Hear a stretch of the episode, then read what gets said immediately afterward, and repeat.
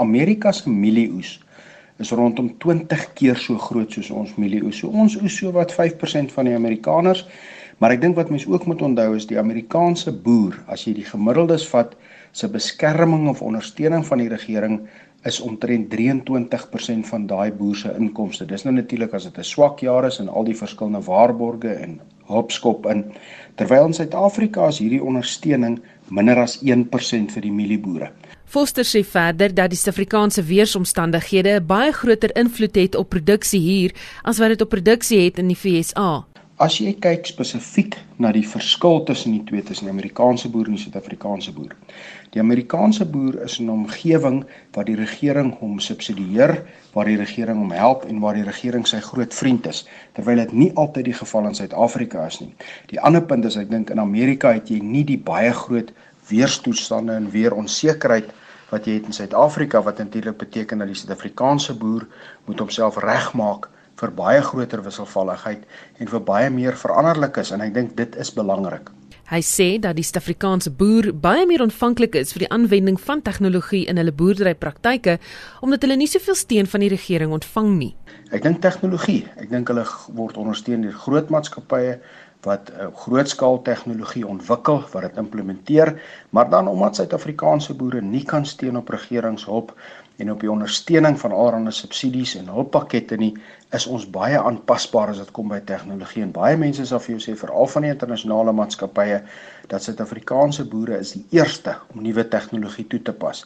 En natuurlik by ons is dit baie belangrik dat jy die maksimum wins uit jou plaas uit kry want jy word nie ondersteun nie en jy neem die risiko's.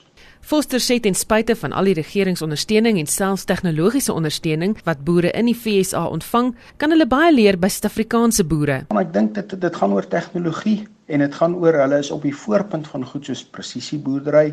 Um, maar aan die ander kant weer jong, ons pas dit toe. Suid-Afrikaanse boere boer in baie baie moeilike omstandighede.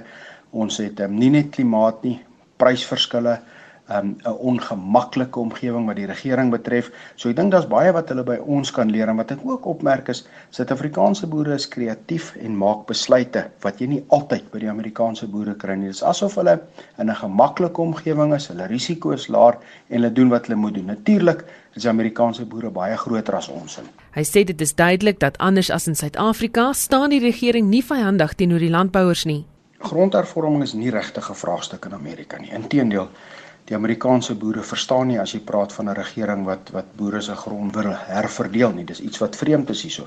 Maar ek dink Suid-Afrikaanse boere moet ook besef dat dit in meer as 40 lande beleid is. So dis nie iets wat glad nie voorkom nie, maar dit kom definitief nie in Amerika voor nie. Foster sê dit is egter duidelik dat die toekoms van landbou en tegnologie lê. En dit is fenomenaal om te kyk as jy byvoorbeeld kyk na die die tipe opbrengste wat ons gekry die laaste 15 jaar. As jy byvoorbeeld praat met die syfers wat Monsanto vir jou wys, is die opbrengs wat boere gekry het die afgelope 15 na 20 jaar het verdubbel per hektaar. Ehm um, en daai tendens gaan aanhou. As jy dit vat oor verder terug 40, 50, 60 jaar as hy 3, 4 keer wat die opbrengs was. En dis waarom ek dink tegnologie gaan die verskil maak en in wat my opval met tegnologie, dis 'n wye reeks tegnologie waarvan jy praat.